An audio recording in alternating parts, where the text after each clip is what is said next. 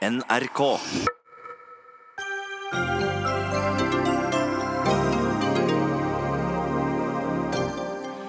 Trenger nå regjeringspartiene og KrF fredsforhandlinger etter budsjettforhandlingene? Begeret er fullt, sier en Frp-profil, mens partileder Siv Jensen sier hun sliter med å stole på KrF. Nå blir det slutt på å handle småting tollfritt i utenlandske nettbutikker. Her har politikerne glemt forbrukerne i budsjettenigheten sin, sier forbrukerdirektøren. Mens Miljøpartiet De Grønne går enda lenger. Budsjettforliket er så klimasvakt at de vurderer mistillitsforslag. Men uh, hvordan var det med hvem som hadde flertall i Stortinget igjen? Og Høyre vil fengsle kriminelle 15-åringer. Det vil slett ikke SV, som syns det er en dårlig idé.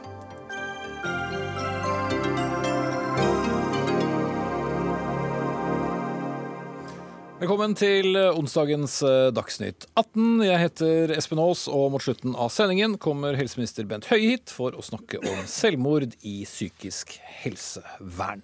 Men aller først skal vi snakke om eh, det forliket som vi brukte for så vidt mye tid på i går. For Fremskrittspartiets politiske vrede og frustrasjon med mulig regjeringspartner Kristelig Folkeparti har preget dagen i dag.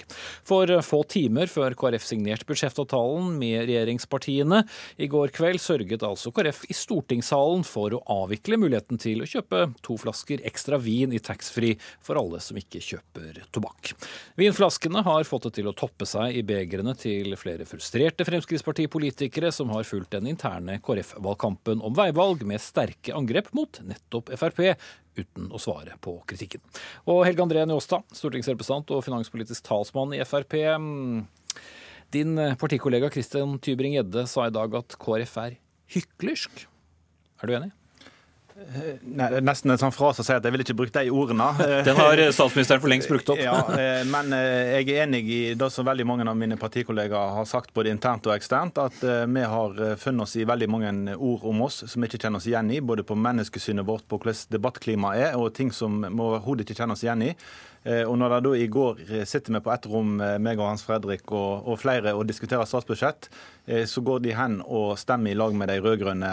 Så, så, er det klart at frustrasjonen er stor hos oss. At et potensielt samarbeidsparti i regjering velger å gjøre en sånn, en sånn handling når vi er midt i, i dialog for å, å, se på om det er grunnlag for å, å kunne samarbeide tettere.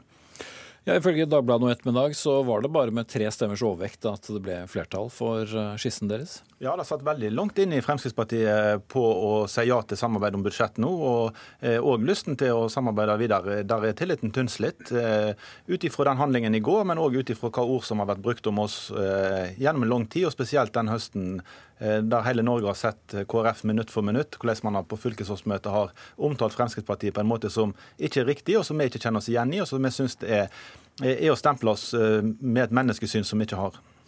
Din egen sjef og partileder Siv Jensen sier hun sliter med å stole på KrF. Er det gjengs for uh, følelsen i gruppa? Ja, det er gjengs oppfatning i Fremskrittspartiet at uh, vi har uh, en utfordring med, med, tilliten. Spesielt når vi sitter i et rom og forsøker å bli enige om et statsbudsjett, parallelt med at man danner flertall med Senterpartiet, Arbeiderpartiet og SV om et område.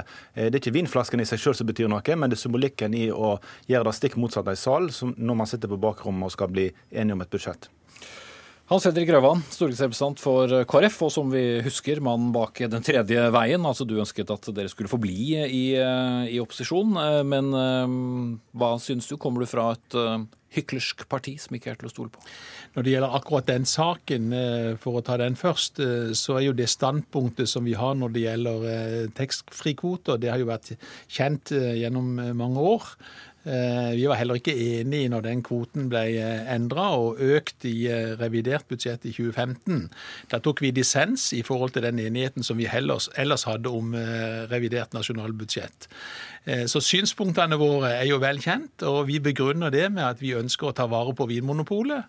Jo, ingen stiller spørsmål ved motivene deres, men var kanskje noe med, med timingen etter en ganske lang periode innad i ditt eget parti, hvor vel ikke akkurat lovordene haglet over Fremskrittspartiet? Nei, altså, Jeg forstår jo, jeg har jo forståelse for den frustrasjonen som, eh, som Helge André her eh, gir uttrykk for. Eh, Samtidig så har jeg jo lyst til å understreke at dette er jo kjent politikk. Og det er jo eh, forskjeller når det gjelder politiske standpunkt mellom eh, KrF og Frp. Kanskje ikke spesielt, på området som alkoholpolitikk. Så eh, jeg vil jo ikke legge mer vekt på det enn at vi konstaterer at det er en forskjell, og så eh, må vi prøve å håndtere det når vi skal gå veien videre. Så har jeg lyst til å gi en eh, honnør til Frp i det forhandlingsrommet vi nå har vært. Eh, funnet fram til god enighet om viktige satsinger i politikken i Norge framover i 2019. Eh, det, det som gjaldt taxfree-kvoten, var jo ikke budsjettet for 2019. Det var Nei da, det skjedde i, i salen ja. på utsiden, som, som vi har vært innom. Men det er jo litt av en start, da. På det som nå skal hete sonderinger, hvor dere skal eh, finne ut om dere skal kunne innlede samarbeid. Jo, Samtidig så vil jeg jo si at starten gjennom å bli enige om et budsjett for 2019 uten konflikter, uten brudd, uten eh, støy i det hele tatt, eh, vil jeg jo si var en god start. At denne saken her kom litt i veien i forhold til FrPs oppfatning av, KrF, det hører jeg han sier, og, og har forståelse for det. Samtidig så var ikke det noe nytt i politikken vår. Så jeg tror det grunnlaget vi har lagt nå i budsjettsamarbeidet, eh, kan tegne for at vi skal klare å få til en enighet eh, om veien videre. Det er iallfall vår intensjon etter vårt landsmøtevedtak 2.11. Mm. Men eh, Njåstad, blant eh, dine partifeller på, på Stortinget, mm, dere har kanskje noen forventninger til hvordan veien videre skal bli? Eh, Absolutt. eh, Og det viktigste er jo at man har, har man valgt retning, som KrF nå har gjort, eh, så må man snakke med de partiene man har valgt å samarbeide med. Ikke ved første anledning snakke med oss, samtidig som man snakker med Arbeiderpartiet, SV og Senterpartiet og danner flertall mot oss i salen. Selv om, om dette handler om taxfree-kvoter, så er det veldig umusikalsk at man sitter på ett rom på Stortinget og blir enig med noen, og så sitter man i salen og danner flertall med andre. Det er den eh, koblingen der vi reagerer på. Eh, hvis man har valgt retning, så må man gjøre det all in. Eh, og skal vi sitte og snakke fortrolig, som vi har gjort i budsjettet og i andre saker, så må vi ha tillit til at ikke deler av KrF snakker med Arbeiderpartiet, Senterpartiet og SV om andre deler av politikkområdet. fordi det er nettopp dette som gjør at, eh, at vi har litt problemer med tilliten. Hvis vi ikke kan ha fortrolige samtaler med KrF eh, uten at deler av KrF snakker med de andre partiene, og så stikker en kniv i ryggen i oss i forhold til å danne flertall eh, mot oss i, i saker som er både viktige og mindre viktige. Det må du svare på, Grøvan. Men, men eh, jeg må jo si det at eh, nå har vi jo ikke starta med sonderingene enda. Vi er jo fortsatt et opposisjonsparti. sånn at eh, nå skal vi undersøke muligheten for å få til et eh, samarbeid i Men vi regjering. vet jo hvor dere skal, så Jo, men, men vi er jo ikke der enda. Eh, og jeg syns det er en vesentlig forskjell i forhold til den dagen vi er enige om en samarbeidserklæring i forhold til status i dag. Men skal dere drive opposisjonspolitikk fram til det? Vi er jo i opposisjon, og vi har jo flere forslag i Stortinget som vi har fremma eh, før landsmøtet gjorde sitt vedtak, som vi må, må følge opp eh, på en ordentlig og skikkelig måte ut fra vårt politiske program. Men som sagt, jeg tror at det grunnlaget vi la i forbindelse med budsjettenigheten nå, og sammen med de budsjettenighetene vi har hatt gjennom flere år, et godt utgangspunkt for å se om eh, vi kan finne en vei videre sammen. Og det er vi innstilt på å gjøre. Jo, men Man kan ikke fortsette å ri to hester. Eh, nå har KrF valgt retning, og jeg syns det er bra. Det var spennende å følge debatten i, i KrF. Eh, så man kan ikke satse alt på én side og samtidig ha en plan B og drive parallelt og danne flertall med andre. Eh, har man valgt å gå i dialog med oss, så forventer vi at vi har den tilliten til at vi kan snakke i lag eh, uten at man går og danner andre flertall mot oss, sånn som man gjorde i går. Så det kan ikke bli modell for KrF framover de neste ukene at vi skal sondere samtidig som dere danner andre flertall. Eh, Da blir det jo helt umulig å ha den tilliten som trengs, skal vi kunne samarbeide enda mer forpliktende. Jeg tror alle ser da at eh, det som skjedde i går, da vi da KrF egentlig snakket med hele Stortinget samtidig og danna flertall på kryss og tvers, eh, så er ikke det modell å jobbe med videre. Ja, vi, Nå er vi enige om et budsjett på 1350 milliarder kroner. Det er jo ikke så verst. Jo, jo, det har du gjentatt mange ganger nå, men poenget er jo disse symbolsakene. Jo, men- nå men- har ditt landsmøte talt, de vil ikke gå din vei, de vil ikke gå men- Hareides vei, de vil at de skal innlede Her må vi ta skritt for skritt. Vi er ikke der enda, og vi har en politikk på området som vi er nødt til å forfekte. Og så skal vi sette oss ned sammen med Frp og både drøfte den saken og andre saker i et fellesskap. Men Så han kan vente seg flere overraskelser i salen? Vi kommer ikke til å legge opp til provokasjoner eh, overhodet, men, men, vi kan jo ikke på en måte rygge tilbake for den politikken som vi har ført på et område, og som er velkjent, og som vi til og med har tatt dissens for tidligere, der vi har hatt budsjettenighet. Så det må en forholde seg til. Eh, det kan jo bli en frisk start, det da? Jo, men det går ikke an å holde på på den måten som vi så i går. Eh, hvis man mener alvor med at man skal snakke med oss og forsøke å danne flertall med oss, eh, så må man gjøre det. Man må ikke gå bak ryggen vår og danne flertall med de andre partiene som man gjorde i går. Da er det ikke helhjertet, og da er ikke den tilliten til stede som man skal ha. Så det går ikke an i fortsettelsen de neste ukene og månedene der, der, det vil være diskusjoner, at, at KrF danner sånne flertall. Det går fint an å utsette saker i påvente av dette, men man kan ikke ri to hester samtidig. Det er helt umulig med den tilliten som trengs for å kunne samarbeide tettere. Men har dere tillit til at en firepartiregjering da med KrF på innsiden vil, vil fungere? da? Det er jo mange som, eller i hvert fall enkelte av dine partifeller som sier at kanskje er det på tide at Fremskrittspartiet er på utsiden igjen? Det viktigste for Fremskrittspartiet er politikken. Eh, hvis vi får mer Frp-politikk eh, av å samarbeide på andre måter, så er det selvfølgelig ting vi skal vurdere. Men politikken er det aller viktigste for oss. Eh, og Da handler det òg om at man må ikke danne flertall mot oss midt i denne prosessen. her. Det oppfatter vi som provoserende, vi oppfatter det som utidig. Og vi har jo registrert at det er jo ingen som er uenig med oss i at dette var utidig. Til og med KrF sjøl sier de har stor, for, stor forståelse. Alle kommentatorer sier at dette var utidig. Og da hadde det vært bedre at KrF hadde slutta med dette dette i denne fasen vi er i nå, eh, og heller satse alt på å snakke med de partiene som de har pekt på, og, så ikke danne flertall med Arbeiderpartiet, SV og Senterpartiet. For deres ønske er jo bare å slå kjepper i hjulene, eh, og det er jo det som vi må unngå skal skje.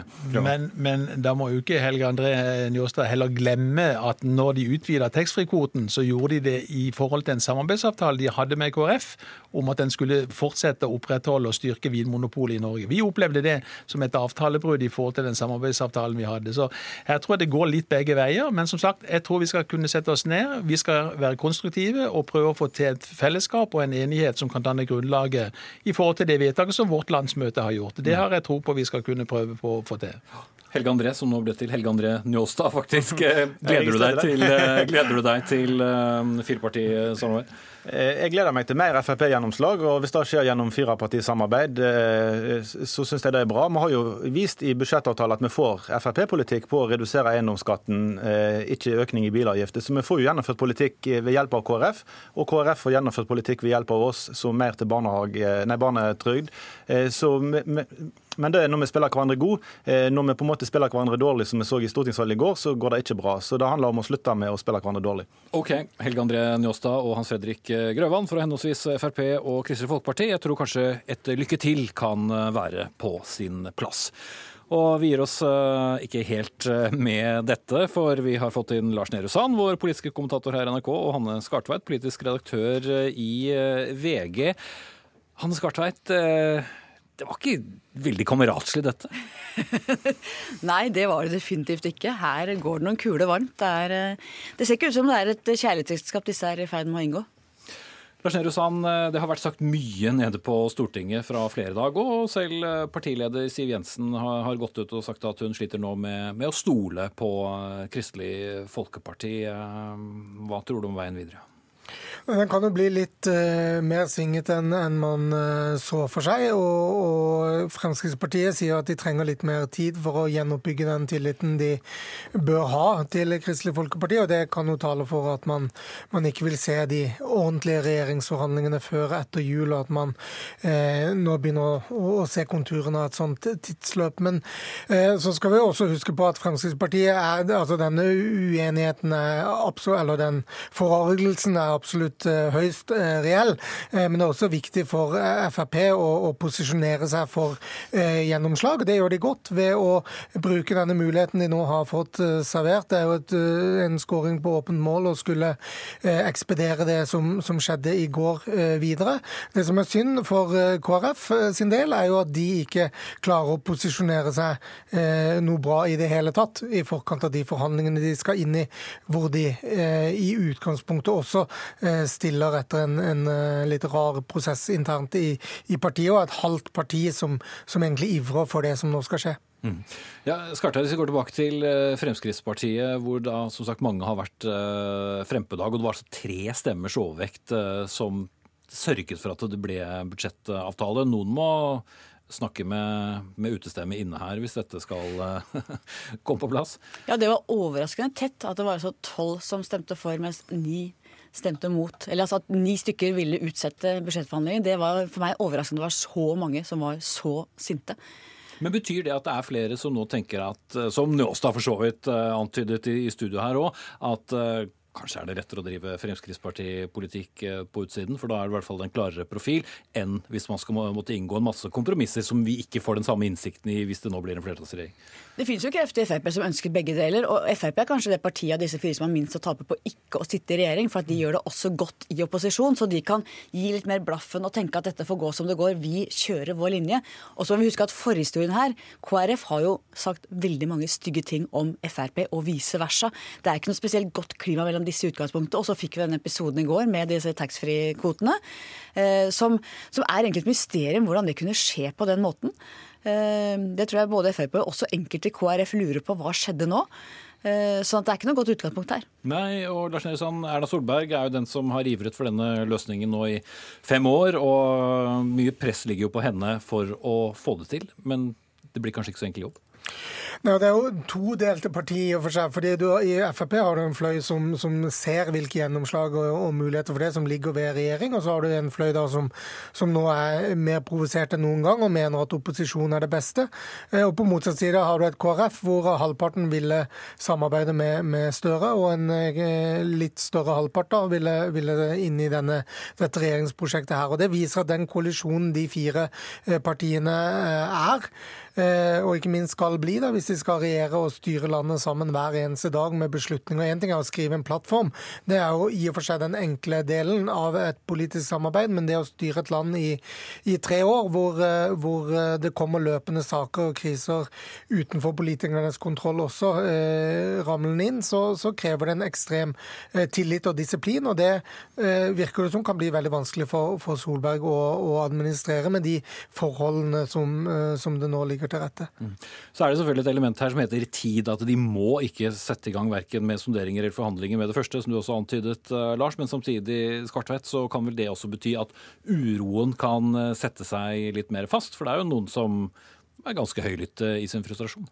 Absolutt. og det er klart at Momentum er jo nå. Nå har KrF kommet med sitt vedtak om at de vil inn i denne regjeringen. Eh, hvis du går, lar det gå lang tid, som du da kan mye uro og grums også få feste seg og faktisk vokse. Uh, og vi må huske på at Det er flere her som er i trøbbel, også Erna Solberg. Hun har jo heller ikke sett for seg den skvisen hun står i nå, i et, inneklemt i et hjørne i abortsaken. Så det er mange som er svekta her. Både Frp er uh, splitta og sinte, KrF er splittet, og Erna Solberg er sterkt svekket. Mm. Ja, Hva skal de gjøre for å samle seg? De må snart ha noen seire og vise omverdenen at eh, dette er det klokeste, og ikke noe som fører til eh, masse debatt eh, fremtidige regjeringspartnere imellom? Ja, det var jo det.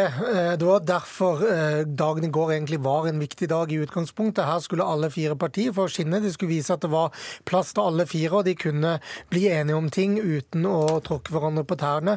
Og det var jo i og for seg det budsjettdokumentet isolert sett viste. Alle alle måtte gi litt, og, og alle vant noe. Men så kommer da denne taxfree-finten eh, inn fra siden og, og, ødelegger den idyllen. Eh, og det er jo eh, Da blir på en måte dagen i går ikke en, en dag hvor man fikk vist frem eh, disse seierne og, og lappa litt sammen det borgerlige prosjektet, eh, men snarere gjort det mer sårbart enn det har vært på veldig, veldig mange år. Men samtidig, når to flasker vin skal kunne klare å lage så mye bølger, hva, hva er det vi ser her? Spørsmålet er hvor koordinert dette har vært i KrF. Ropstad virket jo ganske overrasket, han også, over det som hadde skjedd inne i stortingssalen. Når du spør to flasker vin, kan det hende at noen bør drikke litt vin og roe litt ned nå? ja, Altvin for enkelte, kanskje. Takk skal dere ha, Hanne Skvarteit, politisk redaktør i VG, og Lars Nehru Sand, politisk kommentator her i NRK. Dagsnytt 18 alle hverdager kl 18.00 på NRK P2 og NRK2.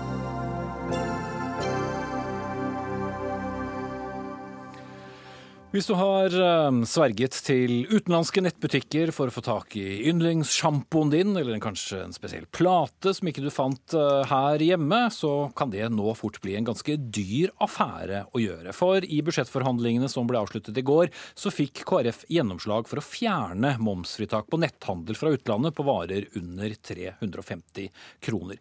Hvis vi følger eh, dagens regelverk, vil dermed en vare på 100 kroner fort koste nærmere 300 kroner både med moms på 25% og et tollgebyr fra Posten på 158 kroner. Det er det billigste alternativet hvis du fortoller denne varen selv. Og Randi Flesland, direktør i Forbrukerrådet, dette har du reagert på, men eh, vi har jo sett eh, at eh, mange har jo tapt penger av norske bedrifter. Så var det noe poeng å fortsette å subsidiere utenlandske nettbutikker? Det handler jo ikke om subsidiering. Det Forbrukerrådet er opptatt av, er jo fortollingsgebyret.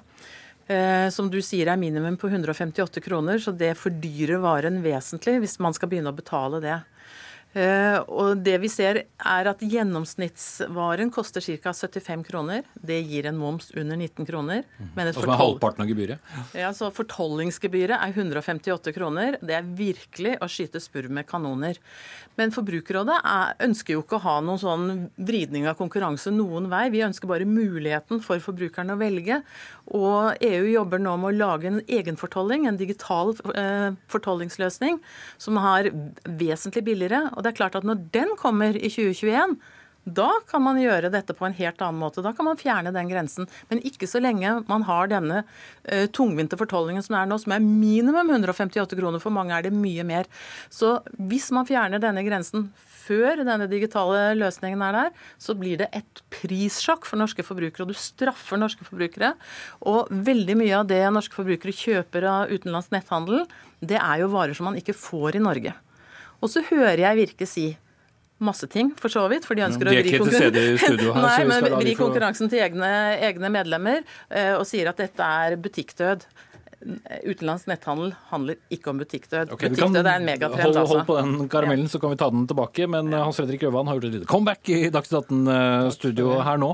Men hvorfor, det, hvorfor hadde dere så dårlig tid?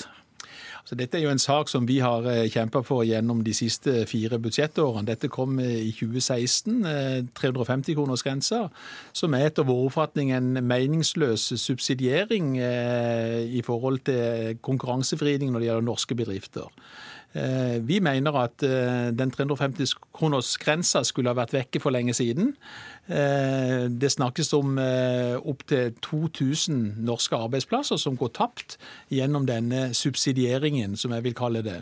Eh, det å kunne få vekk dette så fort som mulig, det er for det første konkurransefremmende i forhold til norsk næringsliv. Eh, det er snakk om mange arbeidsplasser. Eh, vi opplever en, eh, en konkursdød nå, i handelsnæringen spesielt. Men ikke bare pga. 75 kroners netthandelkjøp? Nei, men de har tøffe kår generelt. Mange må bukke under.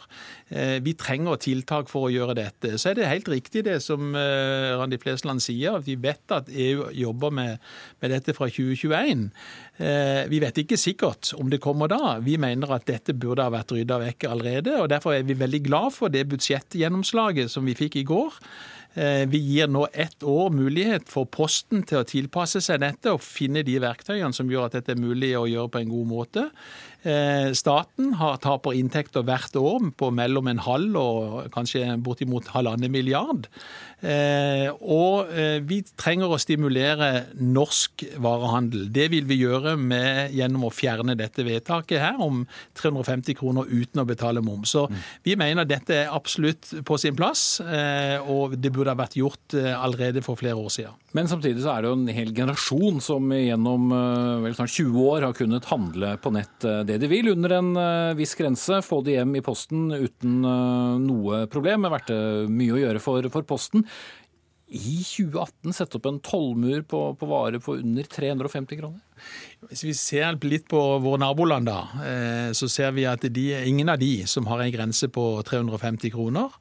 Eh, vi opplever at dette er en eh, subsidiering som eh, i tillegg til at det fjerner norske arbeidsplasser, så er det en helt unødvendig måte å si at de som kjøper varer i utlandet, de skal få det så mye billigere enn å kjøpe i Norge.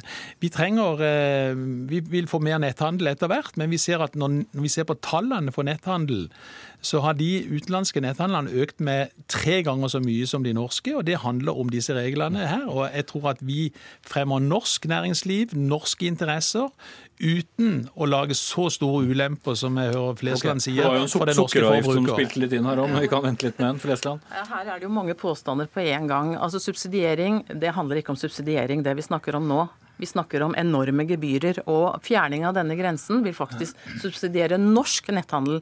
Norsk netthandel har levd strålende i denne perioden. De har økt masse, og nordmenn kjøper faktisk mest via norsk netthandel. Eh, du snakker om arbeidsplasser. Rapporten som Virke har fått eh, laget fra Menon, viser at vi i 2023 vil ha 323 nye arbeidsplasser. I mellomtiden så vil norske forbrukere ha betalt gebyr på 4 millioner per arbeidsplass. Det er, jo, det er jo helt urimelig. Og hvordan kan man tenke å fjerne denne grensen før man har systemer som faktisk gjør at man kan få betale sin toll på en billig og grei måte, og du har en reell konkurranse mellom utenlandsk netthandel og norsk. Og det å påstå at butikkdød kommer pga. utenlandsk netthandel, det er faktisk helt urimelig. Det er ingen tall som viser det. Og mengden Ehm, utenlandsk netthandel i kroner, der er det svært sprikende tall. Så jeg har en forventning om at Finansdepartementet gjør noen reelle beregninger for å se hva konsekvensen av dette er. Og så henviser jeg sterkt til eh, KrF til også å vente med å fjerne denne grensen til EU har denne digitale egenfortollingen på plass. Da kan vi fjerne grensen. Da kan vi nordmenn betale vår moms med glede digitalt, akkurat som vi kjøper våre varer, og det blir bra. Mm. Ikke fjerne nå. Det er så mye småvarer, det er så mye varer som man ikke får i Norge. Det er ikke den konkurransen vi skal ødelegge. Så har Posten sagt at de kan miste altså arbeidsplasser der, fordi at andelen pakker kommer til å synke drastisk. Det har vært et anslag på at 90 90% av småpakkene fra utlandet vil forsvinne, som er bra for den ene siden av argumentet, men kanskje ikke fullt så godt på den andre? Eh, nå har Posten bedt om å få tid til å omstille seg for å finne de riktige verktøyene. Det gir vi nå gjennom eh, innføring om et år, istedenfor nå fra 1.1.2019. Eh, og så er det jo ikke riktig det som Randi Flesland sier. Altså, Jeg skjønner at du har forbrukerinteressene i fokus, og det må du få lov til å få. Mm. Forbrukerne er velgerne dine òg? Ja, de er det. Men vi har også et, vi er også et, vi har også et hensyn å ta når det gjelder norsk næringsinteresser. Eh, og det som vi ser, det er altså Den merverdiavgiften som vi alle betaler for alle varer vi kjøper i Norge, eh, den skal en da slippe å, ved å bestille dette fra utlandet. Det er urimelig. Og Når vi da har gode tall som viser at her er det snakk om ikke bare noen få arbeidsplasser, men det er snakk om kanskje et par tusen arbeidsplasser som vi mister i en bransje som er sårbar og utsatt, så må vi løfte blikket og så se hva er det som tjener Norge.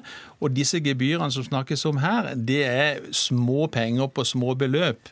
Eh, det er ikke ja, det, er det som gir penger. den store utslaget for norske forbrukere. Så. Men kunne man ikke sett på en løsning? For jeg, jeg, tror heller ikke nødvendigvis forbrukerne er imot å betale moms. De har jo ikke bedt om å slippe momsen for så vidt på, på det. Ikke. Men det som eh, jeg har sett har irritert veldig mange i dag, er det store prishoppet fordi at dette gebyret da kommer uh, på toppen. Og hvorfor igjen kunne man ikke da ventet? For du vil jo nærmest utslette all netthandel uh, hvis man skal betale et gebyr på 158 kroner. Og da betaler du 158 kroner for å få lov å betale 19 kroner i moms da, hvis du bruker gjennomsnittsvaren, og det er jo totalt urimelig. Mm. Og Forbrukerrådet ønsker selvfølgelig at man skal betale moms på allting, men man skal ikke igjen skyte spurv med kanoner.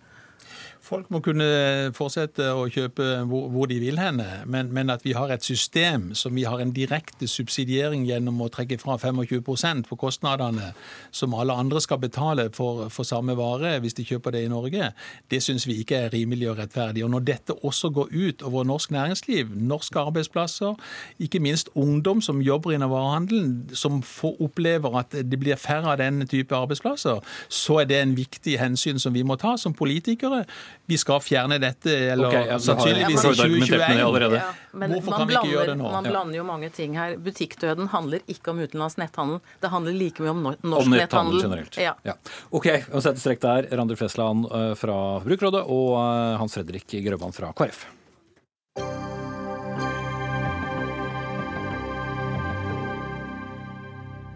Men vi er da slettes ikke ferdig med dette statsbudsjettet ennå, vi. Eh, For norsk politikk handler, tro det eller ei, ikke bare om taxfree-kvoter, netthandel og samarbeidsklima, men selve klima. Og klimadelen av dette statsbudsjettet som det ble enighet om i går, ja, det er så svakt at Miljøpartiet De Grønne nå snakker høyt om et mistillitsforslag mot regjeringen. Og Une Bastholm, nasjonaltalsperson, som det stadig heter, men også stortingsrepresentant for eh, MDG. Hva er det som er verst med dette budsjettet som KrF har satt godkjent godkjentstempel på? Det budsjettforslaget vi fikk lagt fram av regjeringa for noen uker siden, det la jo opp til å kutte en tredel av det som FN nå sier at landene i verden må kutte de neste tolv årene, hvis vi skal unngå en veldig forverring av de klimaendringene vi ser at allerede er i gang. Eh, Dette er jo klimaendringer som går mest utover de aller fattigste i verden, eh, og det går utover helt fysisk, praktisk og økonomisk eh, friheten, velferden, mulighetene til ungene våre i Norge og barnebarna her i Norge. Og det var ikke noe særlig bedre det som kom i går, da? Nei, og så eh, hadde vi jo store forventninger, fordi KrF har jo sittet med et forhandlingskort som har vært ganske godt. Eh, de har sittet med en mulighet og hatt en nøkkel til å kunne gjøre eh, det her til et mye bedre budsjett for klima, og altså derfor også et mye bedre budsjett for verdens aller fattigste, som KrF sier at de er opptatt av. Eh, men så sitter vi igjen da med 200 millioner mer eh, til klimatiltak i Norge, som er, eh, med respekt, det er eh, lommerusk, det er vekslepenger i forhold til det det budsjettet her fordeler penger i Norge. Ja, Tore Storehaug, hvor stolt er du av dette lommerusket? Du er stortingsrepresentant for KrF. Surprise, surprise. Jeg er ikke enig med Une. og jeg mener dette her er et eh, godt budsjett som har blitt mye bedre etter at KrF har forhandla på det. Så det var et godt budsjett å begynne med, og nå har de gjort enda bedre? Riktig. Og Det handler jo om at en har rekordstore løyvinger til de viktigste klimatiltakene vi har i Norge. Til Enova og til som Klimasats. og peker på, da? Hvordan ligger dere an der, Første gangen vi får rapportert på dem, det er et gjennomslag som KrF og MDG var enige om forrige periode, om å få på plass en klimalov, som for første gang blir rapportert på i dag. Det er riktig og det er viktig, for det holder oss politikere i nakken. Og så er det òg et KrF-gjennomslag i det statsbudsjettet her, at vi skal styrke den rapporteringa for å øke den effekten av at vi får de tallene som vi er nødt til å forholde oss til. Men du er enig i at det er et stykke unna? Jeg er enig i at vi trenger et taktskifte i norsk klimapolitikk. Og så er det jo sånn at jeg mener vi har tatt gode steg i rett retning med det budsjettframlegget som vi nå er blitt enige om. Er du enig i at det er en frase du har hørt i mange år tidligere òg, at vi, vi har tatt et steg i riktig retning? Ja, men Sånn er jo dessverre politikken. da, At det handler om å ta steg for steg, og at de stegene må gå i rett retning. Når vi får på plass større løyvinger til Enova, og ikke minst når vi klarer å få på plass viktige prinsippvedtak i denne budsjettforhandlinga her, som både sier da at vi skal fase ut og få vekk norsk, eh, den mest klimarisikofylte biodrivstoffene, sånn som f.eks. palmeolje, at de skal vekk innen 2020. Da blir Norge det første landet som gjennomfører det. Og det er ti år før resten av Europa har vedtatt at de skal gjøre det. Og Det betyr at vi sikrer at den verste delen av det som har vært en ulempe i norsk klimapolitikk i dag, blir rydda opp i, og det er jeg stolt av at vi har fått på plass. Ok, men Une Bastholm, på Twitter så skriver du at du vurderer å stille mistillitsforslag mot regjeringen pga. dette budsjettet. Men eh, hvordan tror du det går med den mandatfordelingen som ligger an til å komme nå, med KrF sammen med regjeringen? Det jeg har eh, vært opptatt av i høst jo, og tenkt mye på, er jo at vi har en situasjon i Norge nå hvor vi over mange tiår har visst hva det er vi med åpne øyne går inn i. Eh, Vi forskyver store klimagjelder til framtidige generasjoner. Og Stortinget sitter og ser på at vedtak vi har gjort om hvor mye vi skal kutte de neste årene, de blir brutt av regjering etter regjering. Jo, men så peker du eller på mistillit, og du får jo ikke noe flertall for Så må jo Stortinget også tvinges til å ta stilling til ok, men hvorfor er det greit på klima, når vi ikke tillater det på andre områder. Problemet med klimapolitikken er at du hele tida kan si at eh, det kommer et eller annet eh, i framtida som gjør at vi skal kutte utslippet. Jeg sto senest nå i dag eh, i spørretimen med Erna Solberg, statsministeren vår, og hun svarte på akkurat samme måten. Med teknologiutvikling, hun kaller det dynamikk på en eller annen måte, som på et magisk vis skal gjøre at vi kutter nok utslipp, halverer utslippene de neste tolv årene er det snakk om her. Og det er helt umulig uten et helt annen offensiv satsing på klimapolitikk i Norge. Da må vi inn og bruke mye mer penger på klimatiltak, for det første. Vi må hjelpe næringslivet. Vi må hjelpe næringslivet med å rulle ut den teknologien de trenger. og Vi må hjelpe folk flest med å kunne gjøre klimatiltak i sin hverdag. Gjøre det billigere å velge miljøvennlig, f.eks. Å Mistilliten- Ja, der kom det. den, den, det er jo et veldig sterkt virkemiddel, som man ikke skal eh, bruke uten å ha tenkt nøye gjennom det. Men jeg har, som jeg prøver å redegjøre for nå, eh, jeg mener med hånda på hjertet at det er på tide at Stortinget og Stortingets representanter som har gått til valg på en annen klimapolitikk enn den vi har i dag, må ta stilling til, bli tvunget til å ta stilling til eh, om man kan ha tillit til en regjering som kutter altså bare en tredjedel av det vi trenger i Norge. Dette går utover ungene og barnebarna våre. Det går utover de aller, aller fattigste i verden. De som må leve med mer tørke, mindre tilgang på rent vann, de som må legge ut på flukt og bo i teltleir framover. Det er dem vi sitter og diskuterer her. Okay. Det er ikke bare en enkeltsak. Men altså, tilbake til deg, Storhaug. Altså, en undersøkelse etter valget i fjor viste at miljø og klima er den nest viktigste saken for KrF-velgerne. Dere har flyttet på penger i dette budsjettet, og dere gir like mye, 200 millioner, til glutenallergikere som til eh, klimasaken. Ser det litt rart ut? Det handler vel kanskje litt om hvor den baseline var. Så må vi huske på at de glutenallergikerne fikk et kutt som mange av de opplevde som veldig radikalt for deres hverdag. Jo da, det er sikkert fint for og- dem, men og- poenget var vel klimadelen. derimot På klimadelen var det rekordstore løyvinger til Enova og til Klimasats, som var de klimatiltakene som jeg og andre er mest opptatt av å framheve når vi snakker om klimapolitikk. Og Det er jo derfor òg vi har fått på plass enda større løyvinger på de punktene. Og Så har vi òg heva utviklingsdimensjonen i det her, fordi vi ser jo nå i resten av verden at eh, de landene som i dag burde gå gjennom et energiskille, ikke investere investerer i fornybar energi, men investerer i kål. Nå har vi fått på plass at regjeringa skal eh, skal bruke bistandsvirkemiddel for å hindre og bidra til at en heller bygger fornybar energi i de tilfellene. Og en har fått på plass at en skal jobbe med å få på plass en garantiordning, sånn at Norge kan bidra til at vi får flere, mer utbygging av fornybar energi nettopp i de eh, utviklingslandene som vi trenger å få dette her til. Og så tenker jeg liksom, bare, bare med det mistillitsforslaget. fordi Jeg, jeg, jeg synes det blir litt sånn rart å slenge det fram. fordi at Hvem er det da som skal styre landet? Da har vi glemt veldig fort. Hvis det er sånn at vi skal peke på at et annet flertall er de som på en måte skal være mer styringsdyktige enn de som sitter i dag. Da er vi er på feil kurs i klimapolitikken. Vi er langt unna å nå våre mål, men det er ikke det ei regjering som sitter med ansvaret for i Norge i dag. Arbeiderpartiet investerte i oljesand. Starta Goliat-prosjektet, som både jeg og MDG har kritisert. CO2-avgifta Jo, jo, økte ikke i det hele nå er det ikke de som styrer uansett, og det mistillitsforslaget måtte vel du stemme ned hvis du skal være i regjering med, med de tre andre partiene uansett. Eh, samtidig så har dere jo gitt økt penger til drift av flyplasstårn både på Notodden og Arendal dette budsjettet. Det er vel ikke noe som eh, fører til færre utslipp? Det, det er vel ikke de to flyplassene som har den aller høyeste eh, innenlandsaktiviteten eller utenlandsaktiviteten på flyginga heller. Men mange i KrF synes jo Bastholm, at uh, de fortjener ros, for de har jo faktisk flyttet det i denne berømmelige, riktige retningen. Så Ja. burde du ikke rose dem og få dem til å uh, stå enda sterkere på hvis de nå sitter i regjering når neste statsbudsjett uh, skal hamres. Ja, nei, jeg kan jo si det sånn at det er jo bra for verdens fattigste at det ikke var et eh, enda et Frp for eksempel, som satt i de budsjettforhandlingene, og at det var KrF. Det tror jeg. Eh, Både på bistandssida, eh, for vedtaket de har fått det på palmeolje, og de 200 millionene til klima i Norge. Men det, altså, det er, problemet er at det er så smått i forhold til det vi trenger. Og jeg mener jo f.eks. at et enormt potensial man hadde i forhandlingene i år, var de 7 milliardene kroner som Norge har fått inn i friske penger for at vi selger kvoter, altså klimakvoter til utlandet. Det er jo penger vi har fått gjennom klimapolitikken, men som regjeringa har valgt å bruke ved å strø utover statsbudsjettet og kunne gi skattekutt til de rikeste, f.eks. Eh, det et, hadde vært et utgangspunkt for en sånn forhandling som det virkelig hadde svinga i, hvis de hadde kunnet eh, satt av de 7 milliardene til ekstraordinære klimatiltak i Norge. Da kunne du satt av de pengene som trengs til f.eks. Eh, karbonfangst og -lagring, eller begynne den opptrappinga som trengs for karbonfangst og -lagring i industrien. Det er fryktelig dyrt. Hver gang vi spør regjeringa om det tiltaket, så bare sier de det er så dyrt, de tør ikke å tenke på det engang. Eh, Man kunne ha begynt å sette av de pengene. Man kunne ha fått til mer elektrifisering av kysten i Norge, som Ja, jeg vet Tore Storehaug er opptatt av. Eh, ting, Skipene, eh, fiskesjarkene, fergene som skal bli elektrisk. Eh, Elbiler, elbilladestasjoner nå til oss alle. må du få så lov til å sette et eh, punktum. Men Storehaug, eh, føler du et ansvar for at dere har litt mer å bevise hvis dere nå skal uh, skipe et budsjett sammen som uh, en firepartiregjering? Jeg tenker at Nå har vi tatt noen steg i å gjøre dette budsjettet grønnere. Det har vært ei forhandling. og Så er jo sjansen stor for at vi skal være i noen andre forhandlinger i høst. og Da hviler det et stort ansvar. og Særlig et stort ansvar fordi det er ei flertallsregjering mest sannsynlig en forhandler om at skal komme på plass da.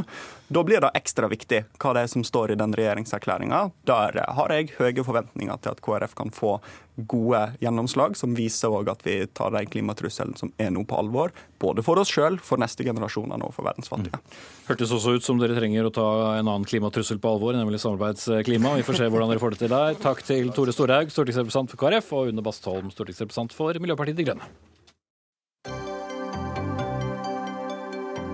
Hør Dagsnytt 18 når du vil.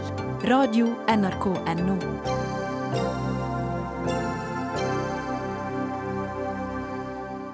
Og etter 39 minutter skal vi faktisk forlate budsjettforslaget fra i går og til vende tilbake til annen politikk. Og det skal handle om justispolitikk. For øh, myndighetene har fått en angst for å sette personer under 18 år i fengsel.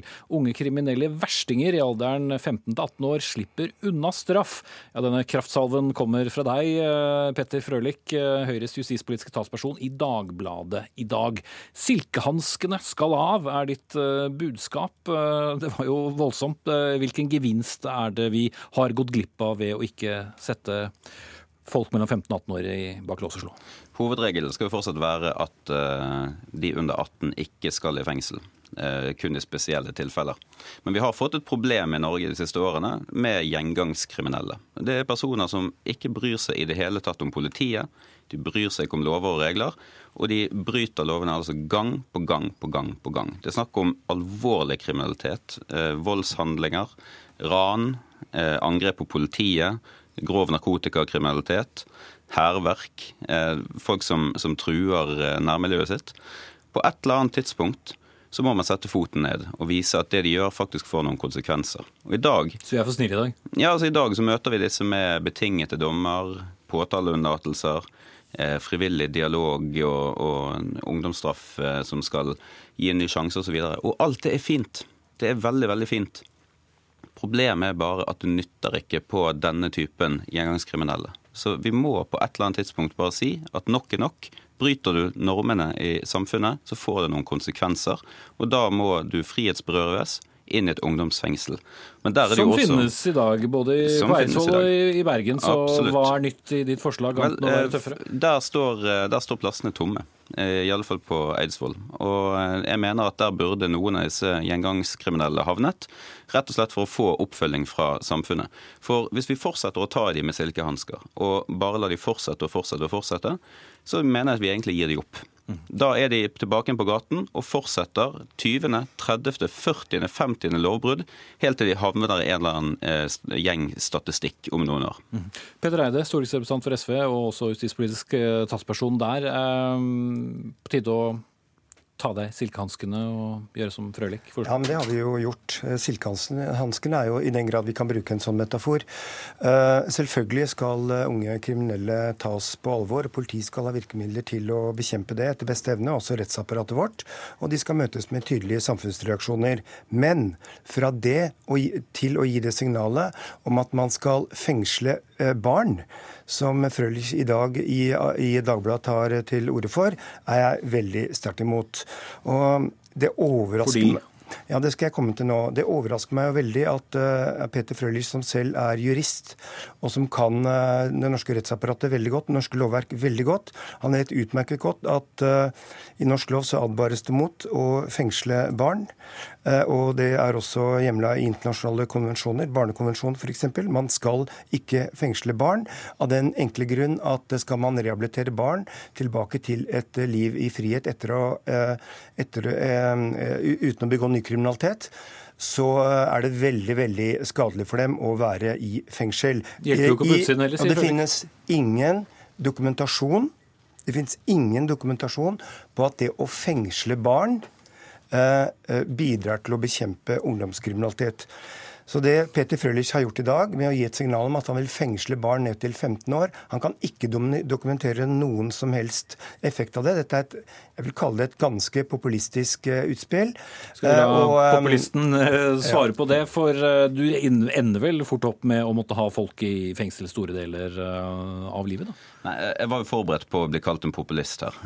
Og da er det jo veldig greit å ha Eh, betydelig moderate krefter med seg på laget. Eh, Bl.a. en person som, eh, og en institusjon som er betydelig bedre i juss enn både meg og Petter Eide, nemlig Riksadvokaten, som sier at dette er helt moderate OK forslag som er godt innenfor de folkerettslige konvensjonsforpliktelsene våre. Så jeg er ikke bekymret for at vi fortsatt vil overholde våre, våre forpliktelser. Så Men bare for å forstå helt riktig, altså, Dere har jo sittet i regjering som kjent i over fem år. Hva vil være forskjellen fra nå og til det du vil ha? I og med altså Ungdomsfengslene finnes. Du vil bare fylle dem opp med om lag 150 personer som uh, ifølge deg gjentar den samme kriminaliteten. Ikke at 150 mennesker skal i fengsel, uh, men det er klart at det, er 100-150 mennesker som er i faresonen, og som bør møtes med andre virkemidler enn bare disse dialogbaserte forsøkene, som isolert sett er prisverdige, men som ikke fungerer på de mest hardbarkede gjengangskriminelle. Det må si at Grunnen til dette er, og det har vært en utglidning over flere år. Vi hadde noen lovendringer i 2012. så kom det noen lovendringer som innførte ungdomsstraff. Og med de lovendringene så, ut, eh, så utviklet det en praksis som gjorde at domstolene ble mer og mer og mer tilbakeholden med å idømme ubetinget fengsel. Og Det skjønner jeg for de som gjør én eller to eller tre lovbrudd. Da må man gi ungdom en ny sjanse. Men her snakker vi om mennesker som altså bryter loven for 40., 50., 60. gang. Som, eh, og dette, dette, er reelle situasjoner. De spytter i bakken, flirer av politiet, viser i fingeren og går sin vei. Vi, vi, vi, må møte disse med en hardere hånd, rett og slett bare for å vise at nok er nok, og det finnes okay. noen grenser. Da, da det. Eh, ja, selvfølgelig, ja, selvfølgelig, og jeg forstår det, Peter, at vi skal, at vi skal håndtere denne ungdommen på en ordentlig måte. Men hva er ditt alternativ? Jeg, hm? Hva er ditt alternativ? Ja, altså, um, det er viktig nå å, å, forstå at vi har hatt en utvikling med økende ungdomskriminalitet i Oslo de siste to årene. Men tar vi se på en 10-20-årsperiode, så har ungdomskriminaliteten i Oslo gått ned. Den har økt de siste to årene, men det er mye bedre nå enn det var f.eks. for, for ti år siden. Denne sommeren, etter at det ble satt i gang en rekke tiltak fra, i samarbeid mellom politiet i Oslo og Oslo kommune, så har eh, Groruddalen f.eks. opplevd den, den roligste sommeren på mange, mange år. Vi må huske på at en 15-åring som, som uh, gjør en grov kriminalitet, uh, vedkommende Det skjer ikke helt ut av det blå. Vedkommende burde definitivt vært fanget opp, både av skolen, kanskje barnevern. Dette er personer som kanskje har vokst opp i uh, fattigdom, er dropouts fra skolen, har lite å ta seg til. Det er en rekke tiltak, og politiet forteller selv Men Nå snakker du om veien til kriminalitet, men Frølich snakker jo, om de som har begått kriminaliteten? Ja, De som har begått kriminaliteten, som er ned mot 15 år, de skal i utgangspunktet møtes med ungdomsstraff. Og ungdomsstraff er ikke en, ikke en myk straff. Det er en tøff straff. De dømmes til det. Det er en kontrakt mellom ungdommen og, og rettsvesenet, hvor de må rapportere jevnlig. Det er en oppfølgingsplan i forhold til skole eller i forhold til utdanning. Det kan være ligge inne elementer av sinnemestring og kurs eller, og, og rusmestring. Det er, ganske, det er et tøft program som de skal gjennom, og ingen ungdom som som har vært gjennom det ungdomsstraffsystemet, opplever at det er at det er um, en mild straff. Men det er så Og, dette virker. Politiet forteller jo så, at Så du er egentlig enig? Ja, men hør nå. Det, det som er helt avgjørende nå, det er jo at det å fengsle en 15-åring virker ikke. Ikke sant? Og Frølich kan ikke dokumentere at den 15-åringen vil unngå å, å vende tilbake til ny kriminalitet. Det vi vet virker, er jo nettopp den type altså Både det forebyggende arbeidet og ungdomsstraff det bidrar til å få disse ungdommene på, eh, på rett side av loven. Eh, og det bidrar til å bringe dem tilbake i samfunnet som gode samfunnsborgere senere. Kanskje med en utdannelse og kanskje også med en jobb. Mm. Men Snakker dere egentlig om det samme? For Du snakker jo ikke om vanlig fengsel heller, Frøylik, hvis noen lurte på det. For du snakker også om ungdomsfengselen, men du har fler til å fylle opp Nei, de plassene? Men er jo et vanlig fengsel. Altså, jeg, har jeg har vært, Nei, det, er, altså, det er en betydelig bedre oppfølging av de som sitter i ungdomsfengsel. Jeg har vært og besøkt ungdomsfengselet på, mm. Eh, på Eidsvoll, hvor det sitter et par ungdommer i dag. Det er et ordinært fengsel. Eh, de, de ansatte går rundt i, i, uniformer. De låses inn på celler på samme måte som de gjør i ordinære fengsel. Og når de fyller 18 år, så flyttes de til Ullersmo, som er et ganske tøft fengsel. Et vanlig fengsel. Ja, men da snakker vi også om lengden på dommer. For det, det jeg har sagt er at Man må ikke nødvendigvis sitte der i år og dag, men at man føler på kroppen at det jeg gjorde, har faktisk hatt en konsekvens. Det håper jeg kan bringe noen inn på, på rett vei. Det eneste vi vet 100 sikkert, er at SVs metode ikke fungerer. Det, er, det, er, for det, har, vært, det har vært naivt. Hvis jeg kan få snakke ferdig bare helt på tampene. Det er, det er en for naiv tilnærming. Jeg tror at det som vi foreslår her, gir mening også. Det, det er folks forventning. Jeg kan ta et, et veldig kort eksempel. Det må være kort, for jeg har det, ja, En person som nå er 16 år, jeg hørte om dette i dag, 16 år gammel, fire grove ran, fire grove voldshandlinger, angrep på politiet, kuttet av fingeren på en rivaliserende narkodealer ender opp, altså opp med obligatorisk oppmøte til dialog.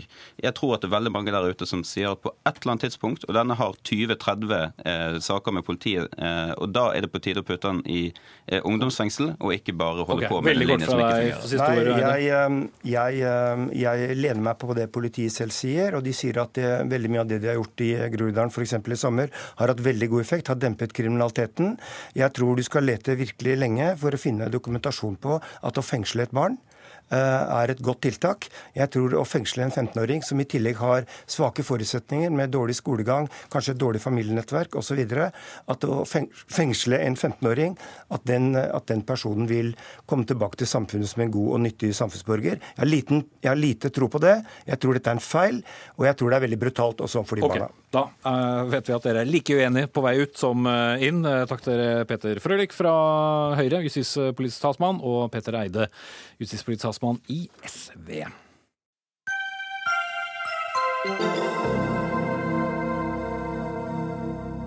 Helsevesenet svikter pasienter som tar sitt eget liv. Det viser en gransking NRK har gjort av 200 selvmord hvor psykisk syke har tatt sitt eget liv under eller rett etter behandling. Nesten halvparten av sakene brøt sykehusene og institusjonene helselovene, og de samme feilene skjer igjen og igjen. Og Bent Høie, helseminister eh, fra Høyre, du har fulgt eh, disse sakene. Her eh, snakker vi om pårørende som har vært bekymret lenge for sine kjære fordi de ikke har hatt det bra. De kommer under helsevesenets eh, omsorg, og pårørende tror kanskje at nå går det bra. Og så gjør de absolutt ikke det. Har pårørende hatt for høy tiltro til vårt psykiske helsevesen? Nei, Jeg forstår veldig godt at eh, pårørende gjerne hadde ofte etter en lang periode med mye bekymring og redsel føler en lettelse når, når deres nærmeste kommer inn i, i helsetjenesten og får, får hjelp. og å slappe av og, og, senke skuldrene. og Derfor er det jo i de tilfellene òg ekstra eh, eh, tragisk når det får den type utfall som, som, selvmord er. Selv om et selvmord alltid er vanskelig, så, så gjør det det òg eh, ekstra vanskelig. Og så er jeg òg eh, veldig eh, bevisst på at dette er òg vanskelig for de som jobber i helsetjenesten og opplever dette. Eh, dette er noe som en jobber mye for å for å unngå, men eh, det skjer for eh, ofte. Og vi ser òg dessverre at for mange av de feilene som Helsetilsynet påpeker i de sakene, gjentas i, i tjenesten. Og sånn skal det ikke være. Og Det er vel Kjersti Toppe, nestleder i helsekomiteen på Stortinget, også enig i. Til oss i går så sa du at man politisk sett ikke kan tåle å ha en slik statistikk. Mm. Men er det et politisk ansvar? Eh, det er klart at eh, politisk ansvar for eh, sykehustilbudet er et politisk ansvar. Og når vi vet at det skjer lovbrudd i halvparten av tilfellene, så viser det at det er òg en systemsvikt. Og når en eh, vet at i halvparten av tilfellene der det skjer lovbrudd, så får det ingen konsekvenser for tilbudet, da er det noe som er galt. Eh, da har vi et helsevesen som repeterer feil. Og for denne pasientgruppa, som er ei veldig sårbar og krevende felt, Eh, så kan vi ikke tåle å ha et sykehusvesen som ikke klarer å forbedre seg, når vi påviser at eh, det skjer eh, lovbrudd og det er forbedringspotensial. Mm. Høie, får disse bruddene på, på lovene noen konsekvenser for de som gjør dem? Altså, Jeg er jo veldig opptatt av at når det skjer feil i helsetjenesten, så, så skal vi ikke jakte på enkeltpersoner. Det er ofte Eh, systemer. Det er ofte ledelse og den type spørsmål som er bakgrunnen for at eh, feil, feil skjer. Og Derfor kommer jeg òg nå, eh, som et, som et resultat av det som NRK her har har, har, har, fremstilt. Og inviterer både helseregionene, Helsetilsynet og Helsedirektoratet til et møte hos meg for å gå igjennom dette. Og nettopp stille det spørsmålet hva er det som er årsaken til at en ikke i større grad lærer av de feilene som, som nå er vel dokumentert i flere, flere omganger, og, og får, får, til, får til endring. Og for alle de tre enhetene som på en måte sitter med, med virkemidlene på det området. Det sitter rundt, rundt samme bord og, og, og, og drøfter det sammen med departementet. For det er helt nødvendig når vi ser at vi ikke klarer å få til forbedringer på dette området. Dette er jo heller ikke noen ny problemstilling. Nei, det er ikke en ny problemstilling. Før jeg gikk her, så så jeg på en interpellasjon jeg hadde stilt til statsråd Høie i 2014 akkurat samme problemstillingen. Da var det Adresseavisen som hadde gjort samme statistikk som NRK har gjort eh, nå. Vi vi dokumenterte da òg at det skjer for mange selvmord, eh, og at det er systemsvikt som er årsak. Altså manglende kommunikasjon, manglende samarbeid, manglende journalføring, manglende vurdering, og at, at pasientene blir skrevet ut, kanskje mot sin vilje, uten at kommunene, fastlegen, er informert. Altså, Men med så mange ting som du peker på der, der, og, og, som for så vidt jeg var med på å lage reportasjer om da dere satt i, i regjering også, med, med ja, selvmord i, i psykiatrien. Ja. Så det er jo ikke noe nytt fenomen under disse fem årene. Men mm. Hva er de konkrete tiltakene som man kan gjøre? Mm. Altså, jeg, jeg, mener at en må jo eh, gjøre tøffere grep òg fra politisk hold. Eh, fordi at ja, det er et ledelsesansvar. Eh, når en ikke klarer å lære av eh, feilene, så er det, det, det er ikke satt i system eh, dette med hvordan en kan unngå. Det er ikke nok bevissthet i tjenestene. Og det er jo bra at Høie nå inviterer til et møte. Eh, det, det, er det.